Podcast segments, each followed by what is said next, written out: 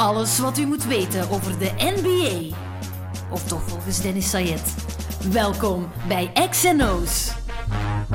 Game! What you heard is what you hearing. What you hearing? It's what you hearing. Listen. It's what you hearing. Listen. It's what you hearing. Listen. X gon' give it to We you. zitten in Bounceware vandaag, eh, de basketbalwinkel van Vlaanderen, of Garita Klavers moet ik eigenlijk zeggen van de lage landen tegenwoordig. Hè? Want eh, het breidt zich uit eh, in snel tempo. Ehm, absoluut. Ik hoop eh, binnen een paar jaar te zeggen van de lage landen. Ehm, we zijn ondertussen bezig ook in, eh, in Utrecht, dus we gaan naar Nederland. Eh, en om de toekomst zou ik ook graag naar Luxemburg gaan. Luxemburg. de hele Benelux eigenlijk. Ja, dat proberen we echt nog te bereiken. En daarna misschien ehm, zelfs binnen Europa. Spanje, Italië willen we gaan. En de, Baltische landen willen, zouden ook willen gaan. Maar dat is nog toekomstmuziek. Dus zullen we zien. Eerst eh, Benelux en dan zullen we zien of we dat we kunnen uitbreiden. Nou, voor wie het niet weet, Garita Klavers, dat is de, de man achter Bounceware. Ehm, de basketbalwinkel dus voorlopig eh, in Vlaanderen, komt ook in Nederland. Ehm, ja, hoe is het eigenlijk ontstaan, dat idee? Want vroeger had je in Vlaanderen bijna alleen maar Marino Sport. eh, in Antwerpen was de basketbalwinkel, zeg maar. Die is er dan mee gestopt. En jullie Ja. zijn in snel tempo echt beginnen uitbreiden. In Leuven zijn we begonnen juist na mijn carrière. Ik heb, ik heb 13 jaar ehm, professioneel gebasket. Ehm, dan komen we natuurlijk op het punt wat gaan we doen. Ehm, ik heb altijd een, een, een passie gehad voor schoenen. Ik ben altijd een sneakerhead geweest tot in, in de hoogste graad. Ehm, dan is natuurlijk de vraag wat ga je doen na je carrière. En dan heb ik een, een, idee gehad om eigenlijk een winkel te beginnen waar echt gespecialiseerd is in, in basketbal. En ik kom- eigenlijk uit een ondernemersfamilie. Mijn ouders hebben altijd zelfstandig geweest en ik wou eigenlijk op mijn eigen beginnen. De vraag is natuurlijk wat na het basketballeven. En ik wou iets van mijn eigen, ik wou niet werken voor iemand. En daarmee de passie naar schoenen toe in een klein winkeltje begonnen. Met, eh, ik, ik herinner me nog twee, drie paar Nikes en daar dat van eh, N1 en Dada, dat merk in der tijd. Heb ik ook nog gehad Ja. Ehm, en zo is, dat, zo is dat blijven uitbreiden. En dan Marino stopte nog een aantal winkels in, binnen België. En heb ik, heb altijd het risico genomen om dat over te nemen. En ja, met het gekende resultaat dat, dat wij ook ehm, van Nike een exclusieve account gekregen hebben op Jordans, op speciale LeBron, speciale Kobe's, eh, die echt wel aanslagen bij de jeugd en, en, en basketbal België. Ja, Dus, de winkel eh, sowieso in het algemeen is redelijk snel aangeslagen. De basketbalwereld wist daar snel van dat ze naar hier moesten komen eigenlijk om, om, om daar de sneakers te gaan halen, om daar shirts te bestellen eh, voor teams bijvoorbeeld. Ze wisten heel snel waar ze moesten zijn. Ja, ik denk, ehm, ik heb ook heel de wereld afgereisd om, om, om een concept uit, uit te breiden. Ik heb bijvoorbeeld de NBA Store in New York en zo gedaan. We hebben van alles iets meegenomen. En ik denk dat we iets goed proberen te creëren hebben dat eigenlijk goed thuis hoort in, in, in, in Mm. wereldsteden. Eh, we komen binnen, spelen, spelen NBA-matchen, eh, alle, alle collecties van de NBA hangen er, de, de beste sneakers staan er, de beste basketbalschoenen staan er. En we proberen echt een sfeer te creëren dat je eigenlijk binnenkomt in een, in een NBA-store. En ik denk dat we in de meeste winkels daar wel in geslaagd zijn. En we proberen natuurlijk ook wel ja, een service te geven aan, aan mensen die, die, die echt, eh, echt top is. Je zegt, ehm, die NBA-store heeft ook zijn rol daarin gespeeld. En de liefde voor de NBA ongetwijfeld ook. Het heeft die, de grote impact gehad natuurlijk op het soort winkel dat je hebt willen maken, op die, ja, op die sneakers. Ja, dat, dat ligt ook samen met de NBA, het hangt ook samen. Natuurlijk, ik denk dat vooral de, het, het pad gelegd geweest is met, eh, met Michael Jordan. Als hij begonnen is met, met, met die sneakers, eh, de, eerste Jordans en al, al het verhaal erbij, bij Nike. Ehm, ik denk dat daar bij mij ook de, de passie begonnen is met de allereerste Jordans eh, te hebben als je 10, 11 jaar bent. En sindsdien is dat nooit niet veranderd geweest. NBA, Michael Jordan, al, alles wat erbij komt. Is dat zo bij jou ontstaan ook? Michael Jordan, dat is het begin van jouw liefde voor de NBA? Dat, de, de dingen dat ik me nog kan herinneren is toch eh, het Jordan-verhaal met Charles Barkley en, en, en de New York Knicks, eh, Chicago Bulls rivalry. Dat was toch wel, toch wel top toen. Dat mis ik nu wel een beetje in de NBA. Nu is, is, is allemaal meer wat gepolijster. Terwijl dat vroeger eh, konden ze wel een keer een naar beneden slagen. En, eh, Je hebt dat niet meer. hè. Je hebt zo nu wel de Warriors en Clippers bijvoorbeeld. Je weet dat die elkaar niet kunnen uitstaan. Maar je hebt die, die rivaliteit die er was tussen de Pistons en de Bulls vroeger. De Knicks en de Bulls, de Lakers en de Celtics. nee. Dat, dat ontbreekt een beetje. Dat, dat, dat, dat kantje dat er af Ik en denk dat de NBA ook veel, veel te fan is in geworden. En ik denk dat de nieuwe, de nieuwe voorzitter van de NBA een aantal regels ingebracht heeft die het spel niet ten goede komen. Ook qua technische fouten. Laat die mannen af en toe een keer wat stoom aflaten en laat die, laat die wat doen. Ja, ze hebben allemaal schrik daar om nog eens zo'n eh, geval Ron Artest mee te maken. Hè. Zoals toen in de Palace of Auburn Hills, dat hij het publiek eh, aangevallen heeft. Daar is eigenlijk alles Ja, veranderd. ik hè. vind dat er bepaalde milestones moeten zijn in de NBA. Er mag af en toe een keer een, een gevecht tussen zitten.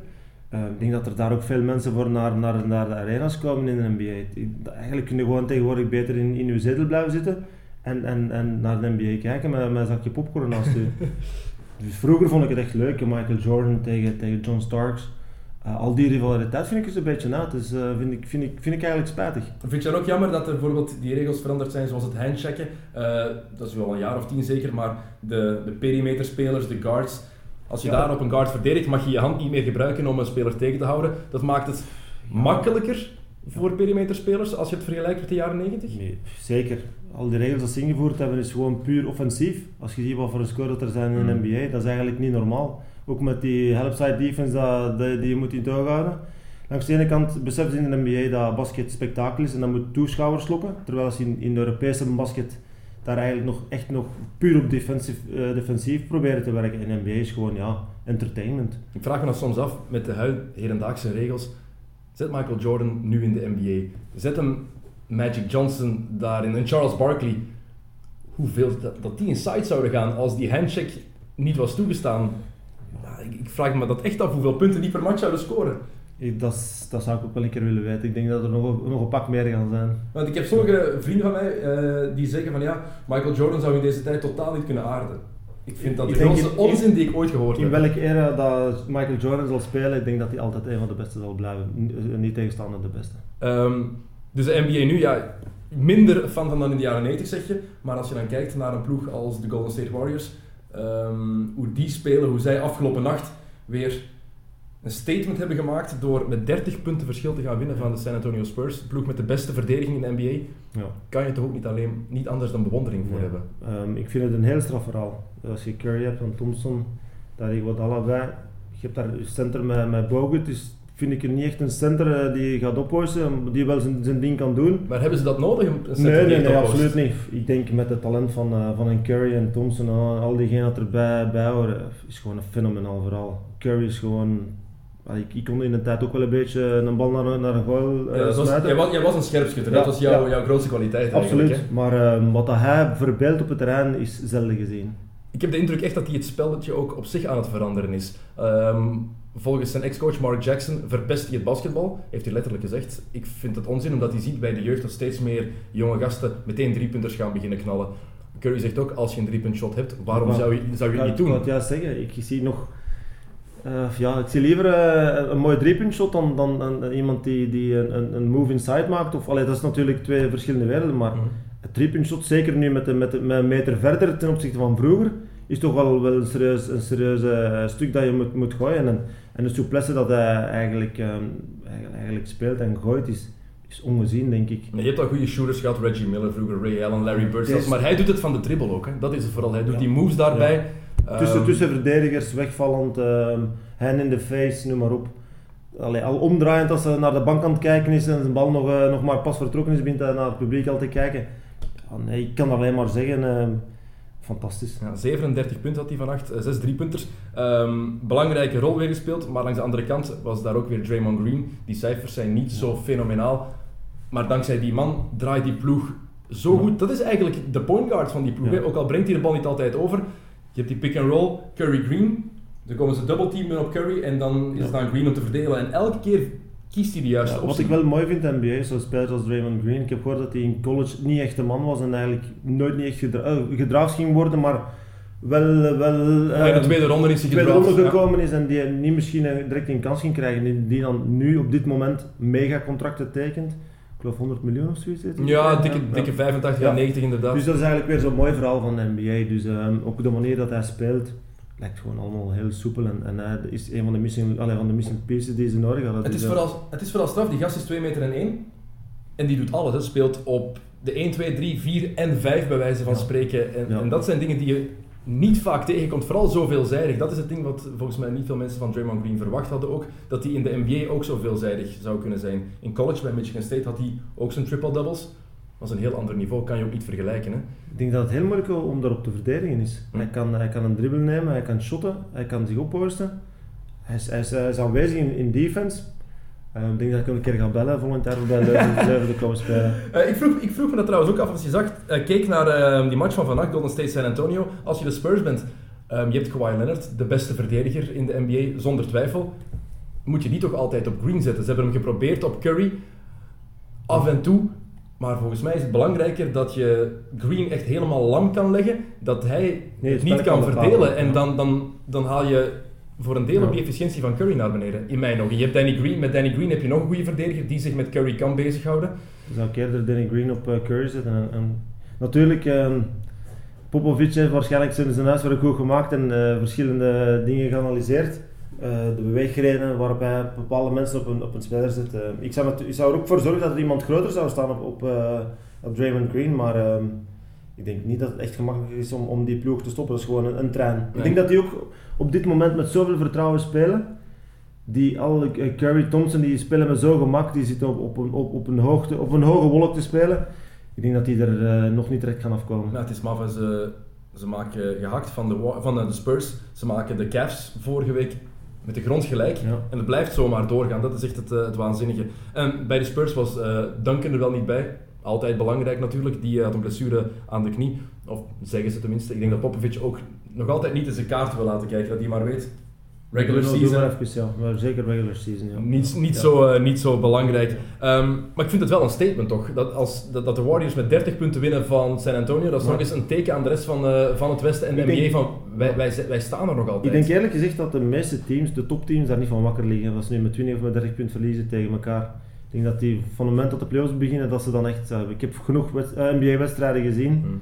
eh, ook live, eh, om te zien nu tijdens regular season dat het gewoon maar te spelen om te spelen is. En ik denk dat ze bij Golden State vooral blij zijn dat iedereen in het vierde kwart kan rusten dan. Ja, Curry heeft niet moeten spelen in het vierde Absoluut. kwart. Curry, ehm, Ja. Thompson heeft niet moeten spelen. Als je ziet dat Curry bijna 40 minuten per wedstrijd, als je dat 100 wedstrijden aan een stuk moet doen, plus nog een keer playoffs, denk ik dat je af en toe blij bent dat je een keer op de bank kan zitten. Eh, wat nog straf maakt, straffer maakt in mijn ogen bij de Warriors, is dat eh, Steve Kerr het zo vlekloos heeft overgenomen van eh, Luke Walton. Sinds vorige week is Steve Kerr terug op de bank bij Golden State en dat hij Ja. bijna het hele, nou, heeft de eerste helft van het seizoen gemist Ja. door die rugblessure, ja, een lekkend ruggenmerg. Dus dat was heel serieus ehm, dat hij had. Maar nu pakt hij over en die ploeg die blijft gewoon voordenderen. Dat zegt in mijn ogen heel veel Ja. over het IQ van die spelers zelf. Absoluut. Maar ik vind het eigenlijk nog straffer dat je zegt dat een ploeg zoals Golden State ineens een andere coach pakt en dan Walton, een jongen zonder ervaring die eigenlijk pas zijn carrière begint, en dat die trein gewoon blijft verder lopen. Dat is eigenlijk een heel straf verhaal. Zonder, wat je zegt, vooral zonder ervaring. hè. Oké, heeft jaren in de NBA gespeeld als bankzitter, Ja, is een intelligente gast ook. Eh, Het is niet omdat je jaren in de NBA gespeeld hebt dat je daarna een goede coach bent.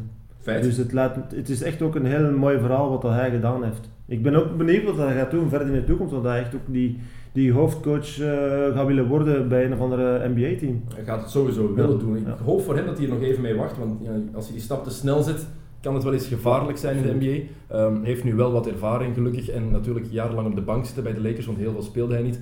Eh, Onder Phil Jackson, Ja. het zal hem ook wel iets opgeleverd hebben. Hè. Zoon van eh, Bill Walton, ook al zo'n intelligente speler altijd geweest. Dat basketbal-IQ bij Luke. Walton is er altijd wel geweest. Ik heb, hem, ik heb hem ooit ontmoet eh, als, als Didier eh, en Benga kampioen speelden met de Lakers eh, in Orlando. Hebben we er toen mee, mee gepraat en eh, was inderdaad een heel, een heel rustige kerel, wat ik meestal met NBA-spelers niet is. Mhm. Heel rustige kerel, heel intelligent en dat was gewoon een, een, super, een supergast. Ehm, zo- ik heb er redelijk wat ontmoet, maar dat was een van de, van de mannen die me eigenlijk bijgebleven was. Maar je merkt ook wel, het was een leuk beeld, eh, een van de vorige wedstrijden, de eerste match tegen Indiana, Steve Kerr stond op de bank, was een call waar ze niet tevreden mee waren. En dan springt de hoofdcoach recht natuurlijk, en Luke Walton die sprong recht en dan beseft hij halverwege, ah nee, oké, ja, ja. het is niet meer aan mij, ik moet, Nee, eh, super, nee. ik moet terug gaan zitten. Eh, maar als we het over basketbal-IQ hebben, ja, moeten we het ook over de Spurs hebben. Hè. Ehm, ze hebben nu wel een pak slagen gekregen, maar het was nog maar een zevende nederlaag van het seizoen. Ja. Ik heb het gevoel dat iedereen die echt gewoon aan het vergeten is. Want de Spurs Maar ook zijn wel de grootste kanshebber de om, om Golden inderdaad- State te verslaan in de playoffs Ja, in mijn dus ogen. Ik denk als er één ploeg is ehm, die dat kan, is, is het de Spurs. Omdat die zoveel basketintellect hebben met, met spelers als, als Tony Parker, Tim Duncan, Leonard die, daar, die daarbij zit. Maar ik denk dat die mannen nu op dit moment gewoon aan het spelen zijn en, en de trein een beetje bereiden. En dan op het einde van het jaar gaan die er allemaal staan en dan gaat het om, om de grote knikkers gaan. En je Popovic natuurlijk. Hè. Als er één coach is die weet wanneer hij iets moet aanpassen. Messina als assistentcoach op de bank, een van de beste Europese coaches aller tijden. Daar zit zoveel kracht in die ploeg. Alleen al als je naar die coachingstaf kijkt, wat er ook op hun weg komt in de playoffs, denk je dat ze wel een bepaald antwoord gaan vinden. In mijn ogen tenminste. En dan heb je Kawhi Leonard, die dit jaar een absolute superster is geworden. was al de rising star. Is nu voor het eerst verkozen tot All-Star. Dat vind ik eigenlijk nog het straffen. Voor het eerst All-Star, maar is al wel Defensive Player of the Year geweest en Finals MVP. En nu wordt hij Ja. voor het eerst Ik All-Star. denk dat voor de jongen ook heel rap gegaan is. Eh, ook een mega contract getekend. Maar ik vind het toch wel chapeau dat hij blijft eh, op dat niveau acteren. Dat wil toch ook zeggen dat hij een van de grotere namen gaat worden in, in, in, in de NBA. Ja, Eh, Voor mij is hij zelfs een eh, MVP-kandidaat op dit moment. Stel je voor, oké, nu ehm, is het natuurlijk Stephen Curry. Ja. Iedereen die staat met stip op één, dat is ook logisch. Vier keer verloren, beste record in de NBA, topscorer. Hij is fenomenaal gewoon. Maar stel je eens voor dat op het einde van het jaar de Spurs het beste record hebben, wat nog altijd Ja. kan. Maar ik denk... Moet je eh, dat niet aan Kawhi denken? Zeker, maar ik denk, eh, wij denken misschien zo, maar ik denk de meeste mensen die naar eh, het NBA basket eh, kijken zijn meestal jongere, jongere mensen. Maar het zijn de media die bepalen wie er MVP wordt Ah, natuurlijk. Het is, de pers, het is de pers die kiest, de Amerikaanse Ja. pers die bepaalt wie de MVP-trofee krijgt. Zou die ook niet meer rekening houden met, met het, eh het flamboyante er rond, de, de, de show dat hij erbij doet, met zijn vinger kan omhoog en al die toestanden. Langs de andere kant, twee MVP-titels op een rij winnen, dan zijn heel veel Amerikaanse journalisten zeker die gaan denken aan het verleden. Is hij dat al wel waard? Steve Nash heeft dat gekregen en daar waren heel wat twijfels rond van ja. In- als je naar de geschiedenis kijkt, voor veel Als- Amerikanen is dat heel belangrijk. Als ehm, hij op de- deze manier blijft basketten, dat hij nu aan het doen is, hoe groot is, hem, is eh, Curry? Een meter 90? Ja, zoiets. 91? zoiets. Tussen allemaal mensen, gemiddeld denk ik rond de 2 meter, 2 meter en 5. En je maakt gemiddeld 30 punten per wedstrijd. Ehm, dan denk ik dat je een NBA, eh, MVP eh, verdient. Ja, en een tweede op een rij. En twee zou- of twee per rij, dat is, dat is gewoon ehm, buiten, buiten kijf. En dit is ook gewoon die combinatie met dat historische seizoen. En ze, zijn, ze hebben vier matchen verloren. Ze, zijn, ze hebben er 43 gespeeld, denk ik. Ze hebben er vier verloren. Het, is, nee. het is gewoon waanzinnig eigenlijk. Ehm, maar daarom dat ik zeg, Kawhi Leonard zou dat ook verdienen in mijn ogen. Omdat er geen enkele speler in de NBA is die zo goed is langs beide kanten van het veld. Curry is offensief een fenomeen. Doet hij, niet mee. Maar wat Kawhi defensief ook nog eens doet, heeft offensief zo'n stappen gezet, is de go-to guy geworden Mhm. van San Antonio, heeft zijn shot ongelooflijk verbeterd. Niemand shot beter van achter de driepuntlijn dit seizoen dan Kawhi Leonard, 48%. Jij weet ook dat dat een fenomenaal percentage is, 48% binnengooien. Ja, dat is een mooie, mooie Dat is, getal. dat is belachelijk Dat is hetzelfde verhaal nu met Jimmy Butler. Dat is nog zo'n speler die ineens, eh, ineens op voorkomt. Mhm. Of, allee, misschien vorig jaar ook al wel, maar Ja. nu komt hij op de voorgrond. Ik heb die over de laatste 50 punten zien maken en dat was, dat was eigenlijk op het gemak dat die jongen speelde. Maar zijn ploeg doet het dan wel minder goed Minder dan goed, San Antonio. dat is het ding. absoluut, Je hebt die lijn bij de Spurs nee, is. als- Ik denk als die ook er gaan terug doorkomen, Chicago Bulls, eh, dat die ook wel een, een serieuze kandidaat gaat zijn om, om, om zo'n een dingen te winnen. Maar er zijn toch een aantal spelers die terug aan, naar, naar boven aan het komen zijn en, en dat je denkt van... pff, Ja, jonge gasten. Waar, ben- waar zijn wij de tijd mee bezig geweest als we aan het basketten waren? Ehm, bij Tony Parker heb ik dat trouwens ook, die ook weer boven water is gekomen. We hebben hem vroeger genoeg zien, eh, zien schitteren, maar op het afgelopen EK had ik hem bijna helemaal afgeschreven. Was echt niet goed. Vorig seizoen was hij ook niet fantastisch. En nu begint hij, oké, hij heeft een heel slechte match gehad vannacht trouwens, was echt niet goed tegen, tegen de Warriors. Maar voor de rest is hij de laatste maanden wel weer de oude aan het worden. En dat is wel voor mij de voorwaarde voor de Spurs om Golden State te kunnen verslaan. Ze hebben een goede Tony Parker nodig, anders kunnen ze niet winnen van de Maar Warriors. hoe lang, hoe lang blijft die rekker nog op? Want die jongen is toch ook al ondertussen 34, denk ik dat hij is. 34 jaar. Ik kan er alleen maar respect voor hebben, voor zo'n mensen die zo lang, zo, en zo'n mooie carrière hebben. Dat is altijd moeilijk voor te, zeggen, hij is afgeschreven of hij kan er meer mee. Ehm, ik hoop voor hem dat, dat hij op, op, op niveau blijft acteren, dat hij nooit niet de stempel gaat hebben van het is het jaar te lang geweest.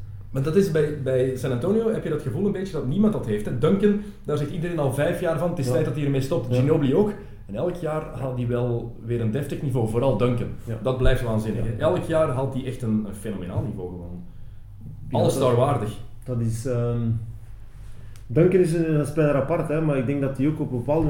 Na een aantal jaar in de NBA worden, je, je ziet ook de, de echte minuten, die heeft ook niet zoveel minuten meer. Dus die sparen die ook allemaal op om naar de playoffs toe te gaan. Want anders, als hij elke wedstrijd ook 35, 40 minuten moet spelen. En Popovic is daar de meester in, die haalt een aantal spelers rond hem om Duncan te verlichten in zijn werk. En, en op het moment dat, er- dat, er, allee, dat money time is, zal Duncan wel op, de, op terrein staan. Ja, en weet ook Maar- wanneer dat hij hem kan laten rusten. Dat is, dat, is die, dat intellect bij die ploeg hè, dat daar is. Ze weten gewoon rustig van, ja, nu kan je een match uitzitten, is geen probleem voor ons. En Maar zo wat ik juist zeggen, zoals gisteren, ik denk niet dat dat een, een waardemeter is. Ik denk dat dat weer iets meer is voor de media en die gaan zeggen, van, luister, eh, Golden State is terug de titelkampioen. En bij Spurs zullen ze zeggen, ja, je hebt gelijk, we zullen wel zien op het einde. Want We ja, wachten wel tot, eh, ja, tot, we tot zullen mei. even- We zullen even zien. Ehm, in de Eastern Conference is nog altijd Cleveland dat ehm, met sprekend gemak aan de leiding staat. Maar vorige week toch ja, best wel een verrassing. Voor mij toch het ontslag van David Blatt, de headcoach. Je wist dat het er ooit ging aankomen, maar ik vind vooral de timing heel vreemd. Ze, Zo'n record. Ja, 30 en 11 waren ze toen hij ontslagen werd. En dan gooien ze de headcoach buiten. Oké, het draaide niet echt goed. Ze hadden die de pak slaag gekregen van de Warriors, daarvoor verloren van de Spurs. En als ze wonnen, was daar blijkbaar heel weinig vreugde in de kleedkamer. Maar toch, Ik denk, ik denk dat het heel moeilijk moet zijn met supersterren te werken als LeBron James.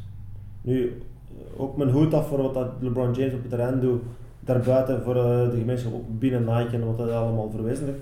Maar ik denk dat het heel moeilijk om, is om met zo'n personen te werken. Er zijn al- supersterren tot in het oneindige. Om daar tegenin te kunnen gaan en dan uiteindelijk nog uw visie te kunnen brengen op het terrein, hoe dat jij het ziet met LeBron James, denk ik dat het heel moeilijk is. dat is een van de dingen die David Blatt blijkbaar niet deed. Ehm, Brandon Haywood zei dat, die is eh, gestopt dit jaar. Vorig jaar speelde hij nog bij de Cavs.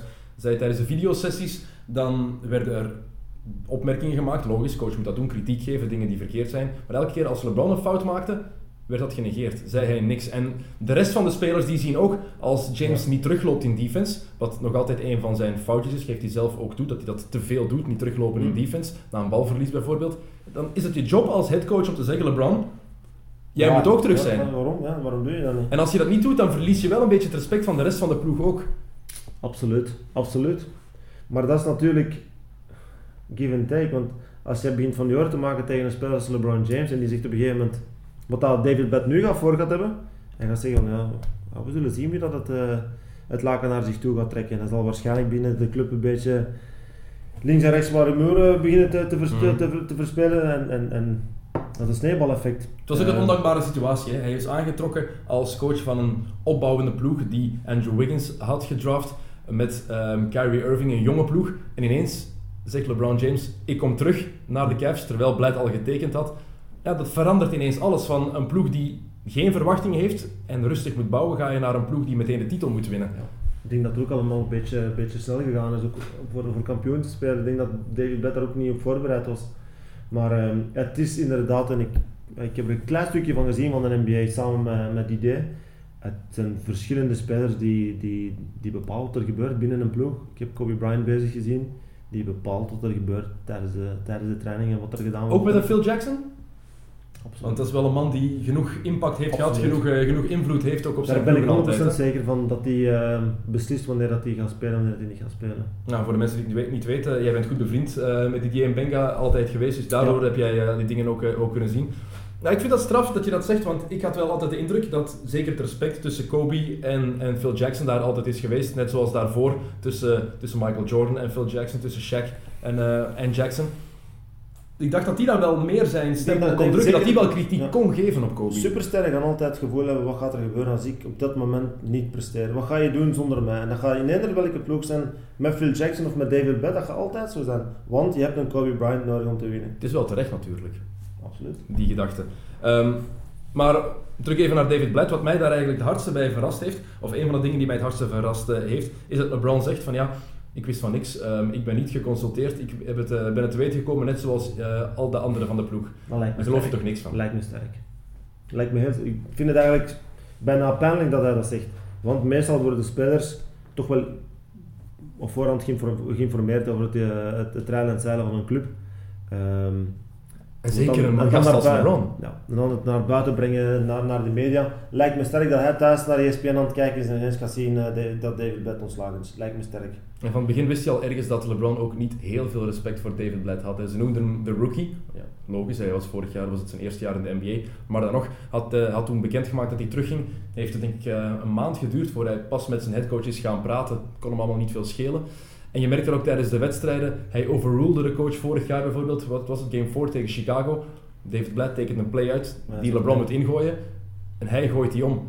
Terecht, achteraf gezien natuurlijk, want LeBron scoort die game winners, dus ik snap dat wel. Maar langs de andere kant, Ik denk dat dat heel moeilijk is als coach. Ik denk als je in die situatie zit en je hebt een speler, dat is, dat is, dat is een vergiftigingsgeschenk. Want het kan heel mooi uitdraaien en je kunt dan NBA-kampioen worden dankzij zo'n spelers. Langs de andere kant, wat dat David Blatt nu ma- meemaakt, is de andere kant van de medaille. Ja, ehm, en je hebt natuurlijk ook die vriendschap tussen LeBron James en Tyronn Lue. Tyronn Lue, de assistentcoach die nu heeft overgenomen. Dat vind ik al helemaal belachelijk. Ik zie Tyrone Lue niet, eh, niet ineens gaan commanderen tegen spelers van wat dat ze gaan moeten doen. Ten eerste hij heeft de uitstraling niet. Ik weet niet of hij de, de know-how heeft om een ploeg te leiden, dat, dat weet ik natuurlijk niet. Maar ik vind dat hij geen uitstraling heeft om, om, om, om een headcoach te worden. Ehm, als ik hij dan nog zeg dat hij goed bevriend is met, met, met LeBron James, vind ik het al helemaal eh, buiten proportie. Ja, je Maar- zag ook vaak tijdens, tijdens sommige matchen, zag je al dat Lou timeouts kalde achter de rug van zijn coach, zonder, zonder dat de headcoach het eigenlijk wist. En hij bepaalde sommige plays, oké, het, was een- het was een defensieve coach trouwens, dus dat was zijn job, maar je merkte dat alle spelers ook gingen praten met Lou, niet met David Blatt.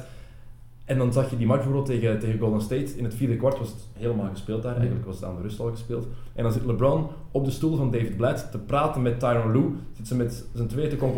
Ja, dan heb ik meteen mijn twijfels daarbij. Dat gaat niet Het- over die match alleen dan Nee, maar het, het mooie is wel dat, dat de, eh, de Coaches Association ertussen komt en zegt van deze, deze is eigenlijk buiten, buiten, buiten proportie wat dat allemaal aan het doen zijn. Dus dat is wel het mooie dat ze eigenlijk David Blatt nog steunen. Maar het feit is wel, dan zie je met spelers als LeBron James en, en dat er eigenlijk veel spelers, ik denk dat meer dan wij weten in, in de NBA, Carmel Anthony bij New York, wat denk je dat de coach daar te zeggen heeft? Niks. Ja. Ehm, en dan heb je Tyron Lue. Ik vind dat een beetje, hoe moet ik het zeggen, als je dat die verhaallijn hebt gevolgd, is het een beetje een matenaaier. Ehm, hij zegt nog altijd, ik heb heel veel respect voor David Blatt en hij steunt mij in, eh, in alles, dit en dat. Maar normaal als een coach ontslagen wordt, stel je vaak eerst even een interim coach aan. Tyron Lue heeft meteen de dag van het ontslag een contract voor drie jaar gekregen als headcoach. Dan weet je, dat moet al, dat moet al langer ja, voilà, dat is wel langer bezig dan. Dat vind ik inderdaad, eh, maar ik denk op een gegeven moment eh, is het ieder voor zich. En eh, hij zal een mooi aanbod gekregen hebben. Ik snap dat hij het aanneemt, maar ik, het, het geeft mij wel ergens het, het signaal dat het al langer aan de gang was. Dat hij al bezig was met gesprekken met de general manager. Maar dat, dat ehm, denk ik dat de professionele sport gaat, dat, gaat er wel zo'n ding gebeuren. Dat, dat, dat kan je niet onder stoel op banken schuiven. Als er geld bij, bij komt, weet je sowieso dat er mensen veranderen. Eh, Lou had ook gesolliciteerd voor de job trouwens, eh, net als David Blatt. Ehm, hij was toen tweede geëindigd. En dan, maar ze wilden hem per se houden, dus hebben ze hem een dik contract gegeven eh, als assistentcoach. Ik denk dat hij 8 Ja, het miljoen meeste kreeg. Ja, meeste ja, dat meeste, een eh, eh, assistent ooit gekregen heeft. Het ding is, ik weet niet dat, wat dat Tyron Lue ook tijdens de timeouts, ik heb die nog nooit niet bezig gehoord, maar mij als ik, ik, zie- ik zie de uitstraling niet van een Tyron Lue naar, naar, naar de meeste NBA-spelers, maar het kan natuurlijk eh, fout zijn. Ehm, hij zei ook, ehm, voor zijn eerste wedstrijd vroegen ze hem, wat ga je anders doen, David Blatt? En zijn antwoord was, ja, ik ga niks anders doen. Hij heeft de finals gehaald, ik ga het gewoon beter doen.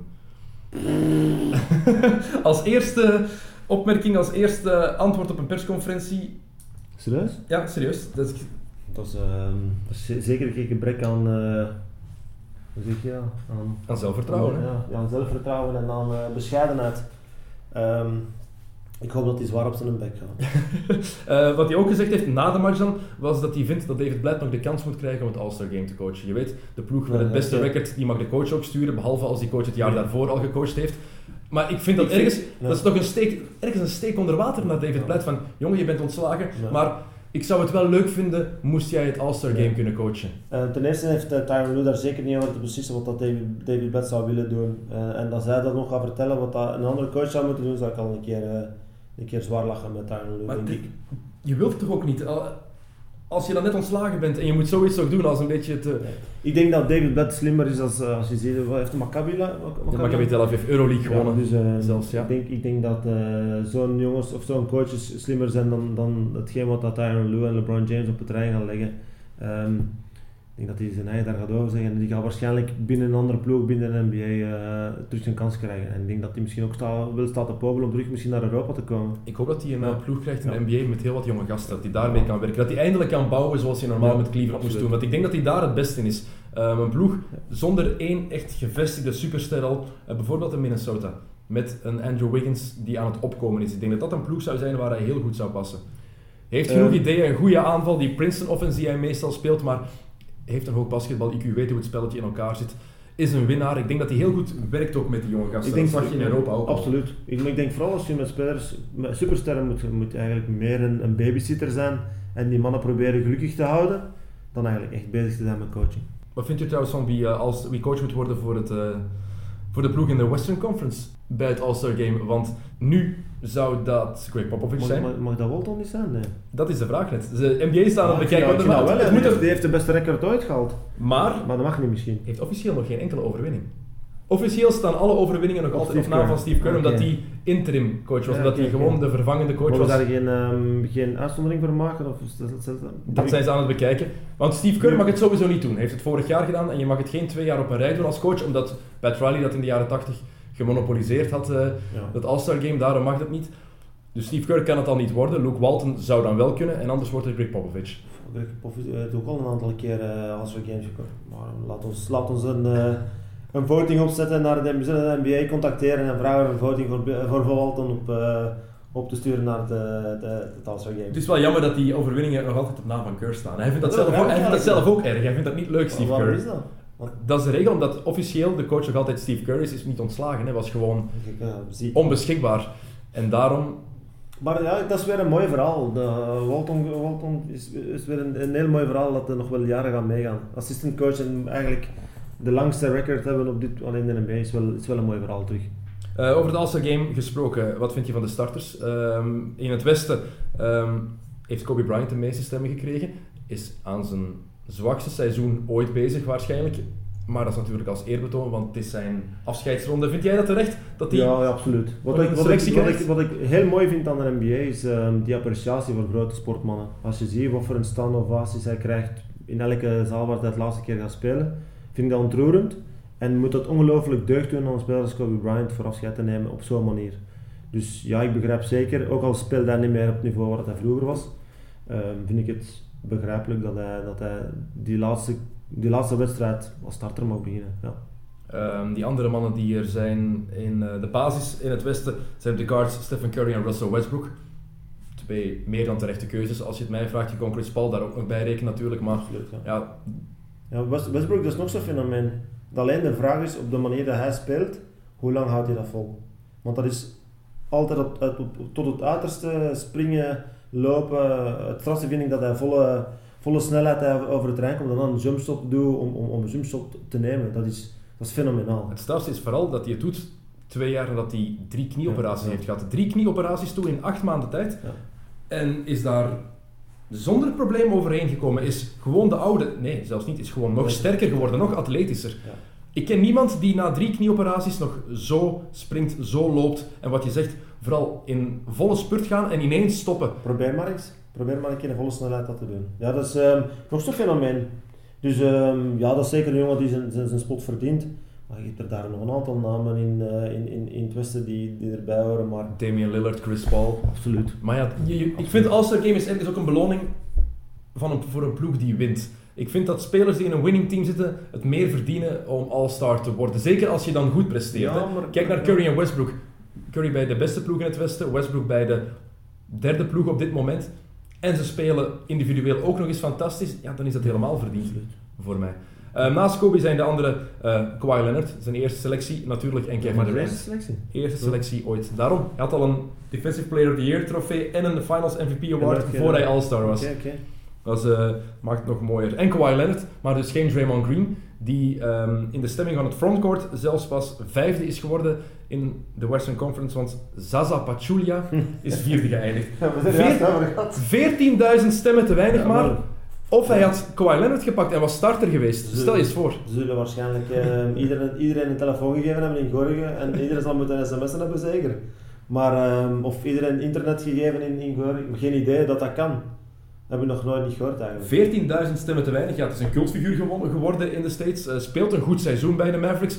Maar kom op, dat is zelfs geen backup speler voor het All-Star Game. Die mag gewoon niet geselecteerd worden. Stel je eens voor dat die er nog 14.000 meer had gehad. Die Dat die starter was staan geweest. in, eh, stel je voor dat hij tussen al die spelers moet gaan staan als Westbrook, McCoby en die, die moeten voor de wedstrijd eh, opkomen.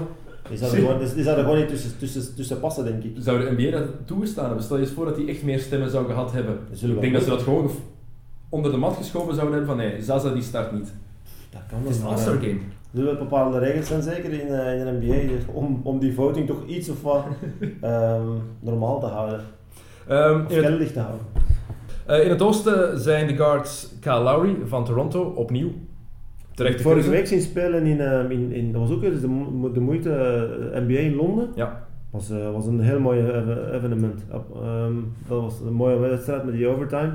Was zeker eens de moeite om te doen. eh, Het jammer is dat het daar minder leeft. Hè. Je hebt daar niet zo één... minder leeft, ja, dat wil ik nu ook zomaar eens zeggen. Dat is, dat, ik denk dat O2 Arena 25.000 Mhm. eh, zitjes heeft, uitverkocht in, in een aantal dagen. Maar qua sfeer bedoel ik, hè. Er, is zo geen enkele, er zijn geen echte supporters daar van Toronto of van Orlando. Dat waren de twee ploegen die speelden. Als je daar de toppers zet, pak dat je daar ja. Golden State tegen Cleveland zet, dan krijg je daar een heel andere atmosfeer, denk ik. Nu was het heel, heel rustig. Absoluut. Het was meer een, een oefenwedstrijd Ja, sfeertje het was, eh, bedoel ik. Het was echt eh, een, een, een leuke wedstrijd en qua, qua beleving vond ik dat, vond ik dat nog wel oké. Ehm, maar ik vind dat wel veel leuke initiatieven dat ze de NBA naar, zo naar Europa laten komen. Dat geeft ons de mogelijkheid om een keer een aantal wedstrijden te zien. En daar was die Kyle Lowry, is toch wel, ook wel eh, een hele interessante speler. En blijft verbeteren ook. Hè. Ehm, Ja, die, heeft, die doet ook wel eh, straffe dingen. Hè? ehm, is enorm in conditie ook vooral. Als je hem de vorige jaren zag, daar ging altijd nog wat babyvet ja, aan. Babyvet, ja, absoluut. En nu is die echt Staat scherp tot een, ja, En dat shot is verbeterd, is een echte leider geworden, hij met DeMar DeRozan. En ik vind het vooral leuk voor Lowry ook, het tweede jaar op rij dat hij starter is, maar het is ook in Toronto het All-Star Game. Dus dat de Raptors een eigen speler hebben die Ja. in de basis staat. Ehm, de andere guard is Dwayne Wade. En ik vind dat niet terecht. Moet All-Star zijn, dat wel. Maar in het oosten moet de andere guard toch altijd Jimmy Butler zijn.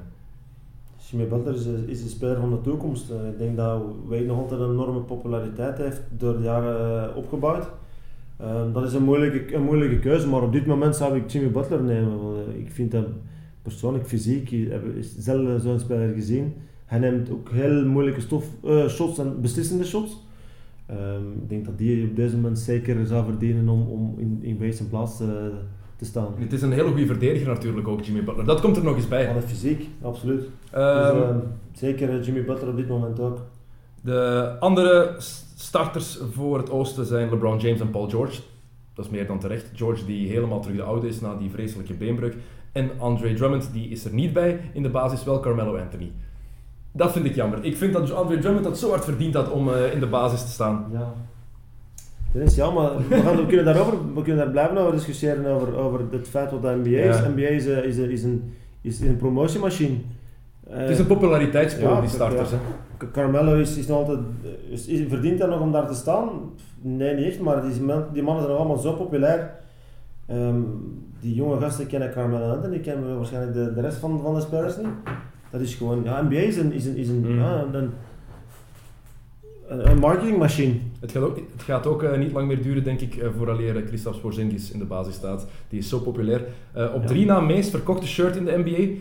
Enkel Curry, LeBron James en Kobe Bryant verkopen meer. Dus ja, is de vraag, Gary, wanneer komt het shirt van Porzingis in Bouncewear? Dat is de vraag. Ik denk dat we een keer eh, naar New York zullen moeten reizen en een keer ons verlies moeten steken, volsteken met een aantal jerseys van hem. Maar het is raar, want eh, het is wat dat gezegd, we zijn bezig over, over de populariteit van de NBA.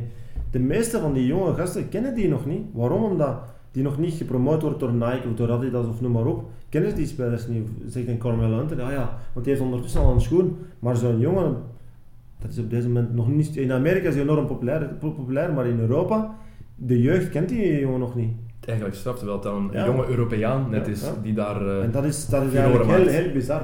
En daarmee zeg ik dat NBA gewoon een marketingmachine is. Goed, eh, we gaan stilaan eh, afronden. Ehm, nog één vraagje eigenlijk, niet over de NBA, want eh, buiten Bouncewear ben je ook nog sportief manager bij Leuven. Ehm, daar gaat het steeds beter sinds eh, Stefan Sappenbergs heeft overgenomen. Die ploeg die heeft een heel ander elan gekregen, Ehm, veel meer vuur in die ploeg. Eh, als je kijkt naar de wedstrijden die ik eh, daarvan Ja. gezien heb. Terug eh, hoop voor de toekomst na het hele lastige seizoensbegin.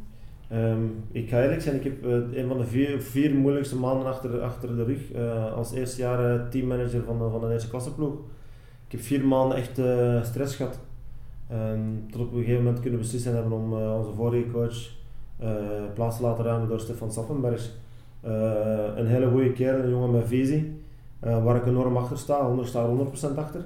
Ehm, maar ik denk dat er eindelijk terug eh, een, een, een, een, een doorgaat met, met wat positivisme, eh, positivisme en, en, en dat er ehm, mensen terug op dezelfde weg zitten die willen werken voor, voor onze club, eh, die begrepen hebben dat alleen maar door hard werken dat we terug resultaat kunnen krijgen.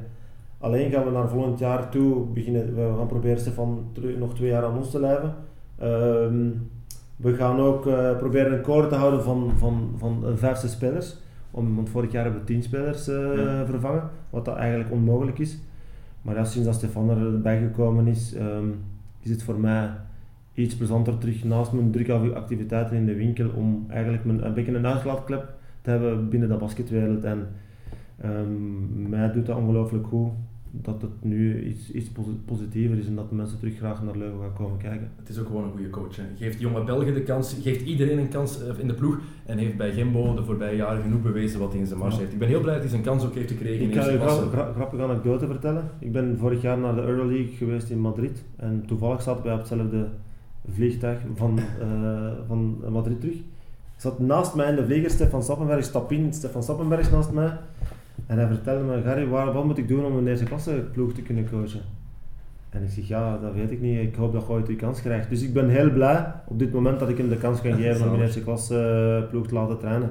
En hij verdient dat op, op, op hoe hard, hoeveel tijd het erin steekt, welke werkethiek dat hij heeft. En ik hoop dat hij nog lang, eh, nog lang bij ons gaat blijven. Laten we hopen dat hij eh, vele overwinningen ook kan pakken de komende jaren. Absoluut. Goed, eh, Gary, bedankt je Ja. dat je er was. En eh, u kan eh, onze podcast blijven volgen op eh, iTunes of via Soundcloud. Abonneer u zeker.